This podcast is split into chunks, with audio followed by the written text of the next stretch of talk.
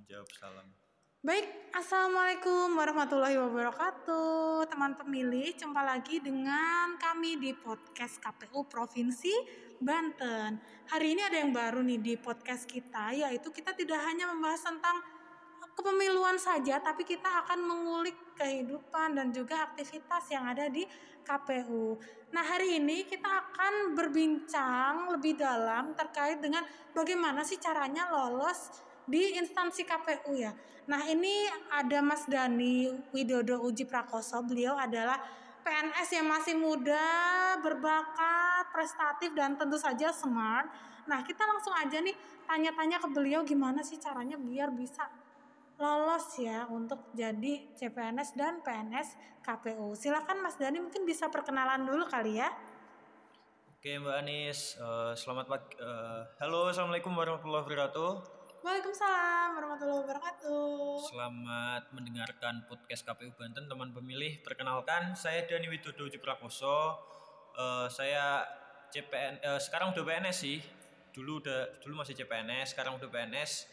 Masuk hmm. di tahun 2019 okay. bergabung di KPU Provinsi Banten. Terus mas, uh, sekarang itu ada di sebagian mana nih mas? Untuk saat ini saya mendapat tugas di subbagian program dan data. Oke, itu kayak jantungnya KPU ya. Karena dia long lasting dan selalu mengikuti tahapan di berbagai macam tahapan gitu ya. Iya, di jadi di subbag program dan data itu bisa disebut sebagai yang memulai tahapan dan yang mengakhiri tahapan okay. karena di sebuah program itu memulai dari perencanaan hingga evaluasi gitu Mbak Ani. Sip sip. Nah Mas Dani nih hobinya apa nih Mas Dani? Kalau saya selama di Serang hobi olahraga sih Mbak Anis okay. karena ada sepeda juga di kosan kan. Hmm. Oh ya kebetulan saya ini bukan dari Banten ya teman-teman ya, jadi saya di Banten ngekos. Oke. Okay. Uh -uh jadi di kosan ada sepeda, jadi hobi saya bersepeda. Oke, okay, hobinya adalah bersepeda. Selain sehat juga refreshing ya kalau hmm. penat dan juga uh, ramah lingkungan gitu ya. Kita bisa mengurangi emisi karbon dengan bersepeda. Nah. nah, Mas Dani ini asli dari Pati, Jawa Tengah, teman pemilih.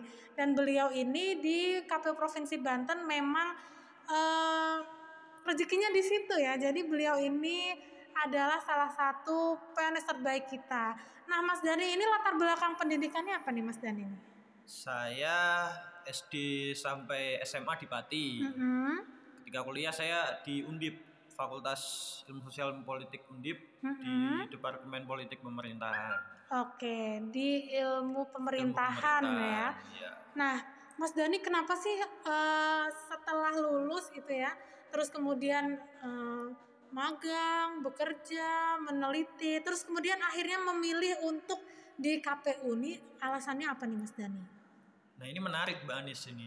Jadi pengalaman saya tentang kepemiluan tuh seakan berentetan dan itu seakan udah jadi jalan saya gitu. Oke. Okay. Jadi karena semenjak kuliah emang saya tertarik tentang ini ya tentang kepemiluan. kepemiluan. Gitu. Jadi ketika mahasiswa saya pernah jadi penyelenggara pemilu di kampus keren, pernah keren. jadi ketua penyelenggara pemilu di kampus terus setelah semester agak tua saya magang di KPU Mbak Anis oh iya sip sip setelah lulus mm -hmm. karena uh, skripsi saya juga tentang pemilu skripsi okay. tentang pemilu jadi semuanya itu relate ya uh, dengan semua apa itu yang relate. kita jalani sekarang ya nah okay. itu seakan udah ditakdirkan gitu atau emang saya yang nggak punya pilihan ya mungkin betul betul ya. jadi opsinya gitu doang uh, ya uh, jadi seakan-akan itu proses saya itu runtut di kepemiluan aja gitu sampai hmm. sekarang setelah lulus e, mencoba daftar CPNS di KPU gitu Mbak Anis. Hmm. Dan akhirnya dapatlah rezekinya di KPU, KPU Provinsi, Provinsi Banten. Banten. Nah, uh, Mas Dani, ini Mas Dani itu jalurnya apa nih CPNS gitu ya? ya. Itu jalur umum apa spesifik yang khusus untuk orang-orang yang smart apa gimana tuh Mas? Ya kalau disebut orang-orang smart terlalu berlebihan lah. Oke. Okay. Jadi di perekrutan CPNS sendiri itu kan ada ada beberapa jalur ya. Mm-hmm, uh, betul. Seperti yang kita ketahui kan ada yang jalur umum, formasi untuk kumplaut, formasi untuk putra putri Papua dan formasi untuk teman-teman kita yang disabilitas. Hmm. Uh, kebetulan karena saya memenuhi syarat di jalur untuk kumplot itu Oke. kan dengan kriteria di jurusan harus akreditasi A dan di kampus juga akreditasi A. Iya. Kebetulan eh, berdasarkan spesifikasi syarat itu Mm-mm. saya memenuhi syarat untuk itu. Jadi saya coba di jalur kumplot. Oke. Eh, kenapa saya coba jalur kumplot? Karena ada beberapa kemudahan Mbak Anis. Di tahun saya itu banyak cerita-cerita bahwa kan kita tes itu ada tiga ini ya di SKD itu ya ada tiga tiga tipe ya Iya, tiga kategori, tiga kategori lah lah ya. ya, betul. nyebutnya ya ada TWK, Mm-mm. TIU, sama TKP ya. Iya, betul. Heeh. jadi kalau di kumplot itu kita hanya ada passing grade di TIU. Sedangkan Oke. untuk di formasi umum semuanya ada passing grade. Passing grade. Mm-mm. Sedangkan berdasarkan pengalaman-pengalaman teman, senior yang pernah melalui tes CPNS lah, Hmm. mereka cerita bahwa TKP itu sebenarnya nggak sulit sih ya, cuma kita benar salah lah gitu, maksudnya Hmm. setiap soal ada poin per poin gitu, Ah. itu yang sering menjebak di peserta-peserta itu sehingga eh, untuk menghindari passing grade di TKP itu saya mencoba di kumplaut gitu. Oke. Memang eh, Mas Dani ini orangnya strategis gitu ya, memikirkan sesuatu sebelum bertindak. Nah, teman pemilih kita mau tahu dong eh, tentang pengalaman bekerjanya Mas Dani ini kan sudah tiga tahun ya, tiga tahun di KPU, sebelumnya juga sudah pernah magang gitu kan. Apa sih yang asik dan nggak asik di KPU, Mas? Bisa nggak dijelasin ke kita?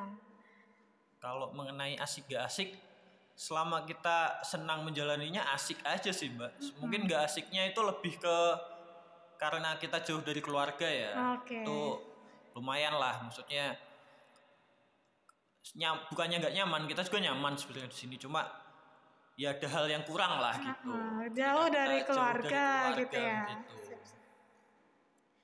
Nah, yang pengalaman-pengalaman yang menarik dan asik ketika di KPU itu apa aja, Mas? Bisa ceritain dikit dong buat kita.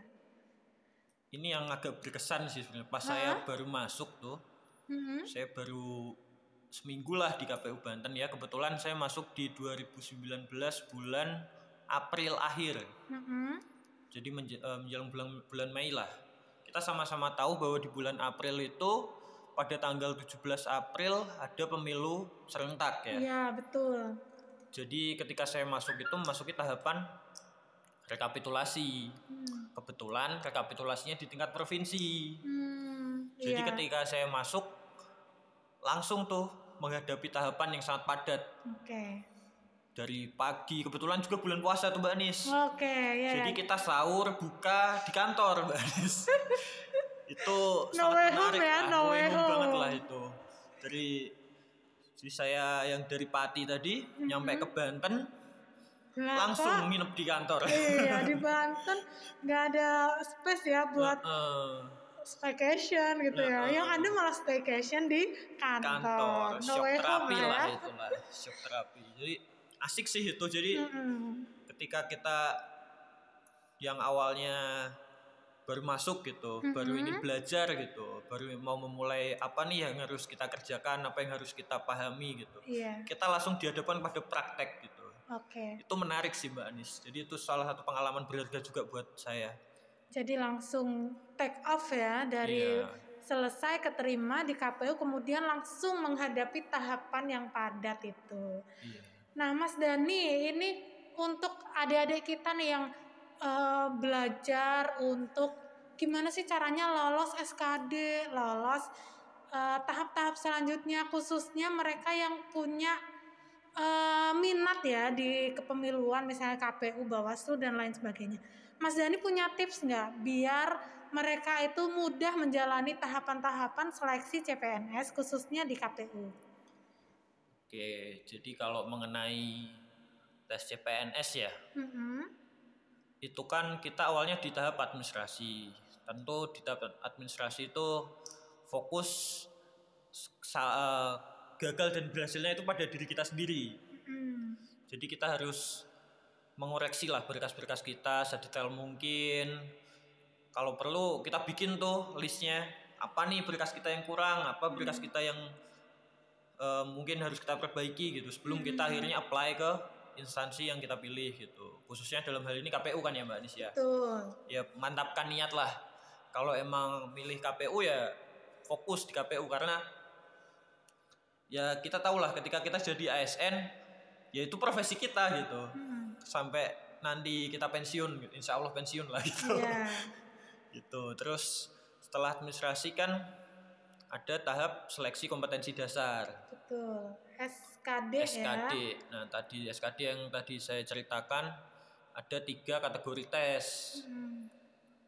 Eh, apa tadi TWK, TWK TIU dan TKP. TKP nah itu Nah, Mas Dani mau spill dulu dong yang paling sulit buat Mas Dani menyelesaikan SKD itu di kategori apa nih, Mas? apa ya Mbak Anis ya Gampang semua jangan-jangan ya. Aduh. Ini bahaya gampang-gampang susah sebenarnya itu kalau soal CPNS tuh ya Mm-mm. setelah SKD kan ada SKB ya Betul. Jadi, Bidang. sebenarnya SKD itu lebih ke kemampuan dasar peserta.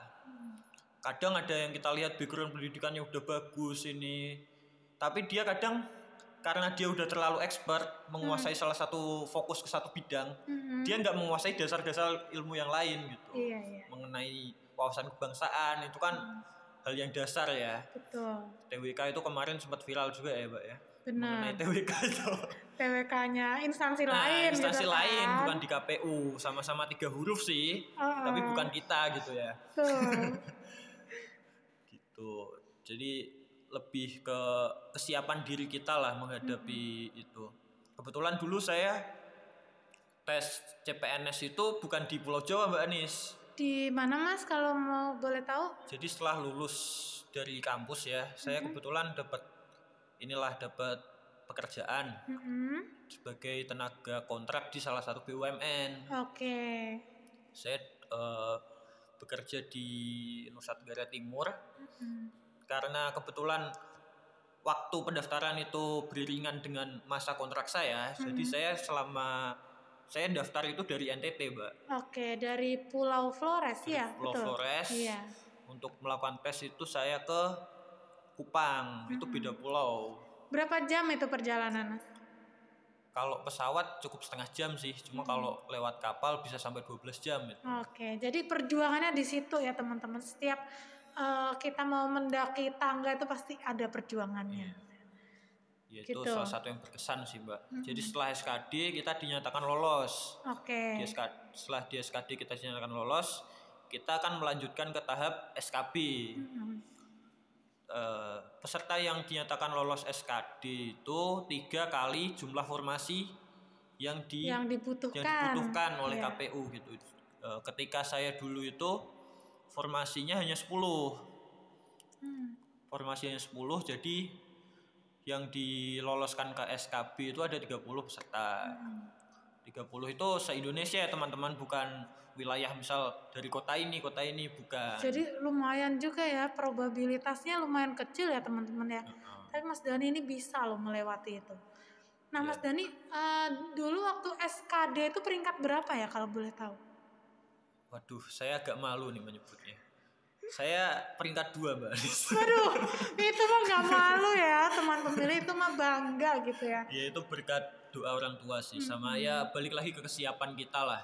Jadi ya seperti yang tadi saya sampaikan bahwa SKD itu kompetensi dasar. Jadi ketika kita udah fokus ke satu hal gitu kadang kita melupakan dasar-dasar yang harus kita kuasai. Jadi kita harus Iya. pelajari ulang itu SKD kadang ini sih harus saling sharing juga sama teman-teman itu lebih lebih lebih Lebih- mempermudah kita untuk belajar Oke, jadi lebih enak gitu ya belajarnya lebih nyaman kalau sama teman-teman barengan Iya. gitu ya Mas Dani ya. Nah, Mas Dani di SK SKB itu kan kita juga membahas soal-soal tentang kepemiluan ya kalau nggak Iya. salah. ya. Itu gimana tuh untuk orang-orang yang misalnya benar-benar awam soal kepemiluan, apa nih tips dan triksnya biar bisa melewati SKB karena itu kan eh, persaingan makin ketat gitu ya, probabilitas makin kecil. Nah itu gimana tuh mas? Jadi mengenai setelah SKD kita beranjak ke SKB. Mm-mm. Saya dulu SKB di Denpasar, Mbak Anis. Wih, jadi, Jadi dari saya itu menjelajah antar pulau, antar provinsi, ah, benar. kayak kayak bus saya. AKBP apa sih gitu ya? Heeh, jadi saya tes SKB di Denpasar di PKN regional 10 kalau nggak salah ya. Mm-mm. Di situ ada soal mengenai kepemiluan dan ada juga soal psikotes. Oke. Kalau mengenai persiapan di soal-soal kepemiluan, saya dulu ini sih Mbak Anis, saya mempelajari undang-undang, Mm-mm. materi kuliah gitu. Oke. Karena dan ya beberapa PKPU PKPU terbaru gitu. Mm-mm.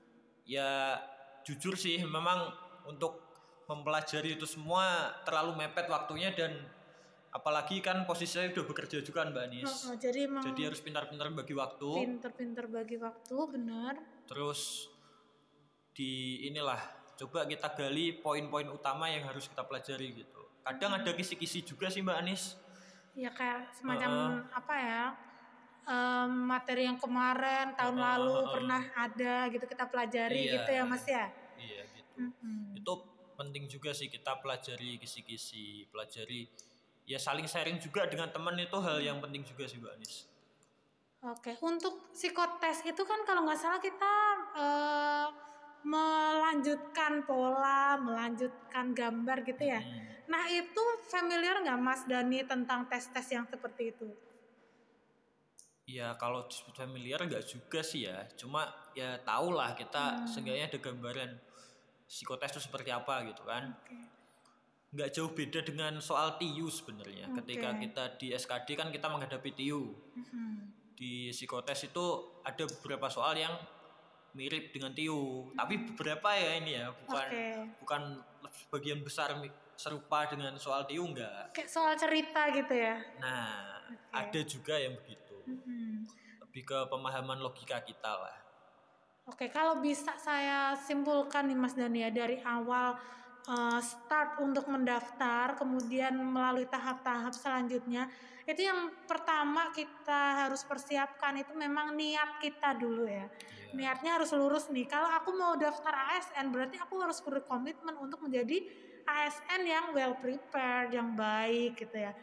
Terus dari tahap-tahap berikutnya tentu saja tidak luput dari doa keluarga dan orang tua Iya. itu pasti. Pasti. Terus yang ketiga itu support eh, kita sendiri mempersiapkan materi-materi apa nih yang muncul. Terus kita juga bisa menggali eh, informasi Iya. dan menggali eh, tes-tes yang terdahulu ya buat belajar gitu ya. Iya. itu Mas. seperti komitmen kita lah. Jadi kita seserius apa sih eh, keinginan kita untuk daftar gitu. Karena gini sih kita ibaratin ketika kita leha-leha gitu. Nah, Ketika kita rebahan santai-santai gitu ya. gitu. Ada 10 juta orang di luar sana yang bersaing dengan kita gitu. Hmm. Jadi kita juga harus menyiapkan diri kita. Balik lagi ke komitmen itu. Karena ya kita nggak tahu ya rezeki kita di mana, Hmm. jalan hidup kita akan gimana dan nantinya seperti apa gitu. Cuma kita sebagai manusia kan harus merencanakan, harus persiapan gitu. Hmm. Iya. Seperti eh, di agama eh, agama kita gitu kan. Ah, Kan di- ada namanya tawakal gitu kan. ya, Ta- ikhtiar, dan tawakal. gitu kan. Jadi eh, sebelum kita serahkan semua kepada yang kuasa, kita harus berusaha, gitu Berusaha, kan. berjuang dulu. Berjuang dulu gitu. Mau hasilnya seperti apa yang penting kita sudah berjuang. Karena ketika kita hanya mengandalkan doa, orang-orang di luar sana juga berdoa. Hmm. Betul ya. Gitu. Emang Mas Dani ini inspiring banget ya buat kita ya teman pemilih, apalagi untuk eh, teman-teman milenials nih yang yang masih pengen menggali tentang KPU itu apa dan asik nggak ya kira-kira kalau aku misalnya kerja di KPU gitu kan kita masih bertanya-tanya. Nah ternyata Mas Dani ini membawa vibe yang positif nih buat kita supaya tetap semangat dan mempunyai komitmen dalam pilihan-pilihan hidup. Nah, Mas Dani nih terakhir nih, apa pesan Mas Dani untuk pemilih millennials yang em, nanti 2024 itu akan menggunakan hak pilihnya atau nanti tahun depan itu akan mencoba untuk seleksi CPNS di KPU. Silahkan Mas. Mengenai teman-teman milenial pemilih kita, Mm-mm. eh, ke depan pemilu akan lebih welcome kepada milenial. Oke, ya. Ke depan pemilu akan lebih melek teknologi. Jadi saya rasa dengan optimisme itu, optimisme kita anak-anak muda nih Mhm, dalam membangun proses demokrasi yang lebih baik mhm. itu butuh partisipasi teman-teman semua. Oke. Eh, jadi teman-teman harap bisalah kita saling bekerja sama baik itu sebagai pemilih ataupun sebagai penyelenggara. Hmm, kita sama-sama bekerja dengan baik. Dan isu-isu hoax di luar sana kita ada kok ini laman yang menyediakan untuk Ini klarifikasi apa nih? hoax atau enggak hoax gitu atau ya. enggak gitu. Seperti yang saya sampaikan tadi ke depan penyelenggara pemilu akan lebih melek teknologi. Jadi tetap ikuti kegiatan-kegiatan kami. Mhm. Tahapan tentu akan jalan di tahun depan ya Mbak Anis ya Betul, pertengahan kalau nggak Ah. salah ya Mas ya. pemilih milenial itu berdasarkan riset di Indonesia mayoritas teman-teman. Jadi jangan sia-siakan pilihan kalian gitu. Ketika eh, kalian ingin sistem itu berubah jadi baik seperti apa yang kalian inginkan, ya ayo berkolaborasi membangun sistem yang baik gitu. Oke, luar biasa ya eh, petuah ya apa sih eh, nasihat atau eh, masukan ya dari Mas Dani untuk kita semua bahwa pemilih milenials itu akan menentukan Indonesia ke depan karena jumlahnya itu kalau nggak salah menuju 60% dari total pemilih di Indonesia. Apalagi untuk teman-teman ya yang udah berkomitmen untuk memajukan Indonesia dari segala lini. Nah, ini penting banget untuk memberikan suaranya dan mengedukasi teman-teman yang lain supaya tidak apatis dan menjadi pemilih yang berdaulat gitu ya. Iya. Muda boleh, milenial boleh, berdaulat pasti. Iya harus. Nah, mungkin itu ya Mas ya. eh, perbincangan kita pada hari ini. Mungkin teman-teman akan penasaran ya ke depan kita mau ngobrolin apa gitu kan. Nah, pantau terus eh, Spotify dan juga podcast KPU Provinsi Banten. Terima kasih terima kasih atas perhatiannya. Aku ngomongnya sampai belepotan ya karena terlalu semangat. Nah, teman pemilih, kita undur diri dulu. Wassalamualaikum warahmatullahi wabarakatuh. Salam pemilih. Salam pemilih. Wassalamualaikum warahmatullahi wabarakatuh. Emang seru ya Mas Dani ya. Thank you Mas Dani. Sama-sama Mbak Anis. Sampai kita ketemu lagi teman pemilih. Dah.